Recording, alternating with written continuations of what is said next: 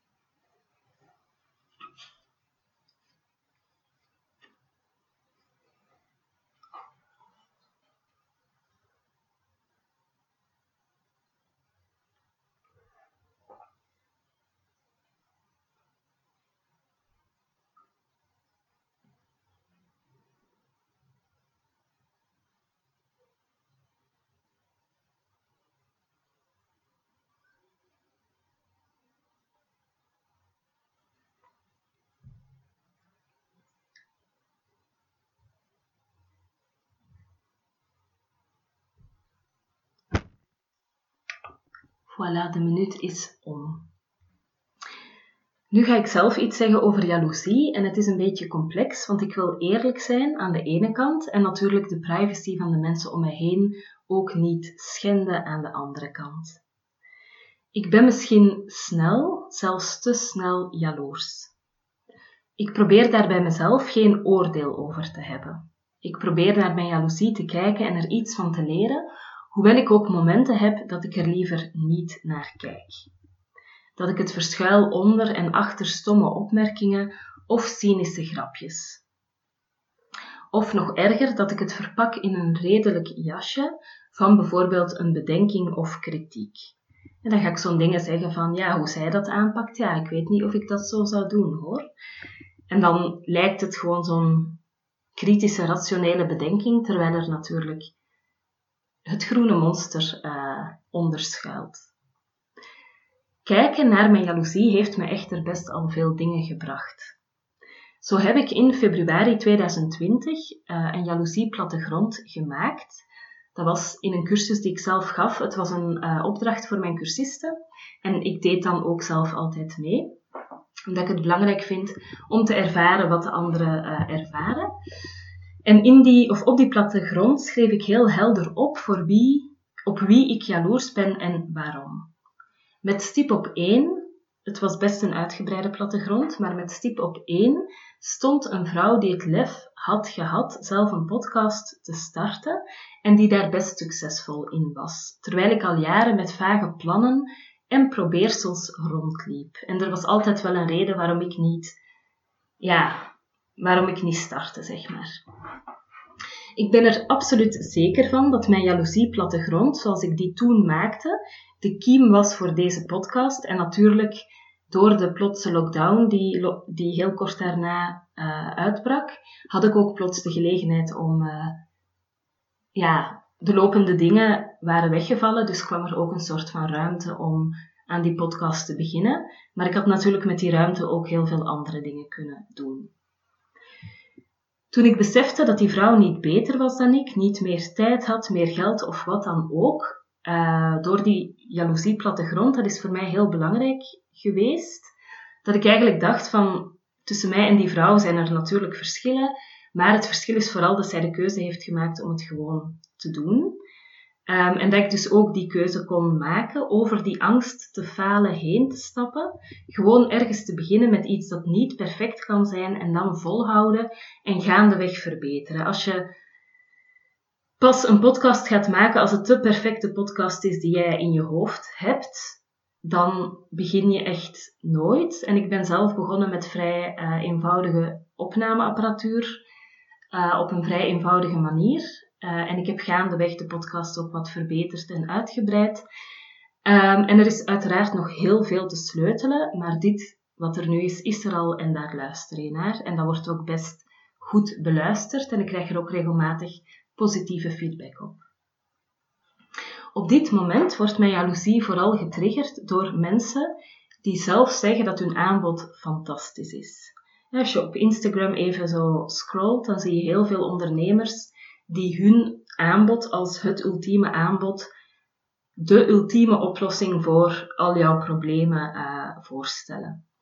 Um, ik ben wel ook een keer ingegaan op sommige van die dingen. Uh, ik heb bijvoorbeeld recent een cursus gekocht van iemand die beweerde het ultieme of de ultieme oplossing te hebben voor al mijn problemen rond plannen en organiseren. Um, en voor mij was het dan zeer teleurstellend dat er in die cursus weinig, of eigenlijk niks nieuws zat en dat ik het gevoel had dat ik die cursus makkelijk ook zelf had kunnen maken met wat ik al wist. Uh, dus op dat moment voel ik me ook wel een soort van genaaid. En dan denk ik, ja, zie je wel, het is gewoon goede marketing om heel veel zelfvertrouwen te tonen.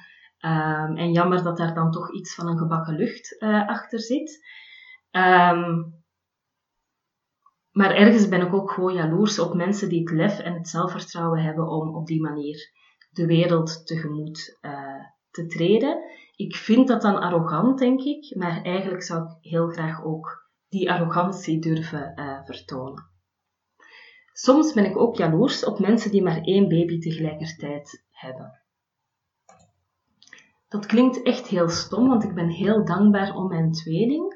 Maar toen ik laatst een dagje met maar één dochtertje van de twee op stap was, in plaats van schipperend tussen beide en hun beide, beide noden die heel verschillend zijn, ehm, en proberend om mij op beide af te stemmen, wat nooit tegelijkertijd lukt. En toen was ik dus met maar één kindje op stap en ik voelde weer exact waarom dat ik nog graag een kindje had gewild en waarom ik op dat moment ook echt dacht dat ik dat aankon.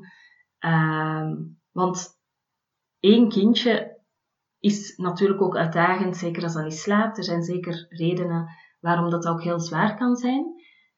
Maar ik kan mij wel op één baby tegelijk, of één kindje tegelijk, of één peuter tegelijk heel goed afstemmen. En vanuit die afstemming verlopen heel veel dingen dan toch vlot. Ehm, en dat gevoel was waar ik heel erg naar verlangde toen ik nog een kindje wou. Van dat gevoel van zo afgestemd te zijn op elkaar en dat je het gewoon goed hebt met elkaar. En dat heb ik echt heel erg gemist met de tweeling, omdat dat echt een soort van chaos was van nooit genoeg. Ehm, als je met de ene connectie voelt, dan, dan, ligt de andere te huilen. Uh, als je klaar bent met de ene verschonen en voeden, dan moet je aan de andere beginnen. Zo. Ik heb heel erg gemist zo de momenten van genieten en van die fijne vorm van symbiose die je met één kindje kan hebben. En soms ben ik ook gewoon, als ik dan zo'n mama zie met één kindje in een draagdoek, dan breekt dat mijn hart. Omdat ik denk, maar ja, dat wou ik ook zo graag. En ja, in plaats van lekker met één kindje tutend in een draagdoek, werd ik weggekeken in cafeetjes, waar ik dan heel veel moed verzamelen, allemaal aangekleed, gewassen, bla bla bla, de deur uitgeraakt was. En dan zat ik daar met mijn, met mijn tweelingwagen in een cafeetje en dan werd er mij echt een aantal keer gevraagd of ik weg kon gaan, omdat ik te veel plek innam. En ja, dat is gewoon, ja, wel heel intens geweest voor mij, zal ik maar zeggen. Dus als ik zo'n mama zie met één kindje die gezellig op een terrasje zit, met haar kindje in een draagdoek, genietend van een kopje koffie, dan denk ik, ja, daar had ik me eigenlijk op voorbereid en het is voor mij toch heel anders uh, uitgepakt. Twee baby's tegelijk krijgen was voor mij echt een start van heel veel veranderingen, chaos en instabiliteit. En ik denk dat ik fysiek en mentaal ook wel echt een hoge prijs heb betaald. Drie jaar of bijna drie jaar na een geboorte ben ik nog steeds puin aan het ruimen. Ik ben nog steeds moe. Ik ben nog steeds uh, zwaarder dan dat ik zou willen. Mijn conditie is niet goed. Um, en ik heb het idee dat dat dus allemaal te maken heeft met die invasie van een tweeling. En ik ben er niet zo trots op om dit te vertellen. Maar tegelijkertijd, um, als ik het vertel, zie ik ook dat wat mij te doen staat, is dat ik vaker tijd met één kindje tegelijk doorbreng. Dat ik meer hulp moet vragen met dat puin ruimen, waardoor ik het gevoel meer zal krijgen dat die storm niet alleen overgewaaid is stilaan, maar dat die brokstukken ook opgeruimd zijn en de boel opnieuw opgebouwd uh, is geraakt. Voilà. Jaloezie is een raar groen monster. En ik wil nog eens zeggen dat ik heel dankbaar ben dat ik twee kindjes heb gekregen. Uh, en dat dit misschien voor mensen die er geen kunnen krijgen, dat dit misschien echt, echt belachelijk is dat ik vertel over mijn jaloezie op moeders die er dan maar eentje tegelijk hebben gehad. Um, en tegelijkertijd wil ik hier ook gewoon eerlijk in zijn omdat ik denk dat het ook niet echt helpt om uh, zo in de polariteit te blijven van de roze wolk versus het gemis.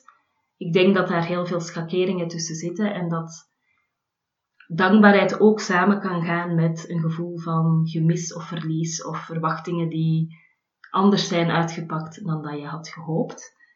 Um, en ik weet dat dat zeer complex en genuanceerd is en daarom vind ik het belangrijk om dat toch ook te kunnen noemen. Ik denk dat gevoelens van dankbaarheid, besef van uh, genade, besef van iets bijzonders meegemaakt te hebben, dat dat echt kan samengaan met het besef dat je er ook een hoge prijs voor hebt betaald, dat het ook um, heel veel van je heeft gevraagd, heel veel heeft gekost en dat ja, dat die twee elkaar eigenlijk niet uitsluiten. Voilà. Jaloezie is een naar groen monster, maar wel één dat de weg wijst naar wat je te doen staat of volgens mij ook naar diepere inzichten. Voor nu, last but not least. Uh, Femma, uh, voor Femma geef ik woensdagavond een webinar over zelfzorg. Nu heb ik gehoord dat er ongeveer 400 mensen ingeschreven zijn. Het is woensdag van half negen tot, nee, van acht tot half tien. Uh, ik ga in dat webinar onder andere vertellen dat zelfzorg geen uh, manier mag zijn om maatschappelijke problemen te psychologiseren en bij het individu neer te leggen. Uh, maar ik ga ook een aantal concrete dingen aanreiken om aan zelfzorg te doen. Ik zet het linkje uh, in de show notes, dus als je wilt kan je je dan ook nog aanmelden. Um, ik heb gezegd, er zijn op dit moment ongeveer 400 mensen ingeschreven. Als je liever een kleine intieme avond meedoet, dan verwijs ik je heel graag naar Rouw op donderdag, een avond van half negen tot tien, over niet erkend verlies en verdriet, met een liedje van Anne, een getuigenis van Maya en uh, de mogelijkheid ook in groepjes uh, te delen. Uh, op dit moment zijn er wel al inschrijvingen, maar het belooft een klein intiem gezelschap te worden. ik zet de link in de show notes en ik nodig je van harte uit om aan te sluiten met wat er bij jou leeft en wat je graag uh, misschien mee wil brengen op die avond. Tot zover de Tiny Podcast voor vandaag. Je kan me volgen op Instagram, The Tiny Podcast. Je kan je abonneren via bijvoorbeeld Google of Apple Podcast, in Spotify of in je favoriete podcast-app. Uh, ik vind het fijn als je de podcast doorstuurt naar iemand anders die er ook graag naar luistert, of hem deelt op social media. Um, en voor nu wens ik je een heel fijne dag en heel veel goeds. Tot morgen.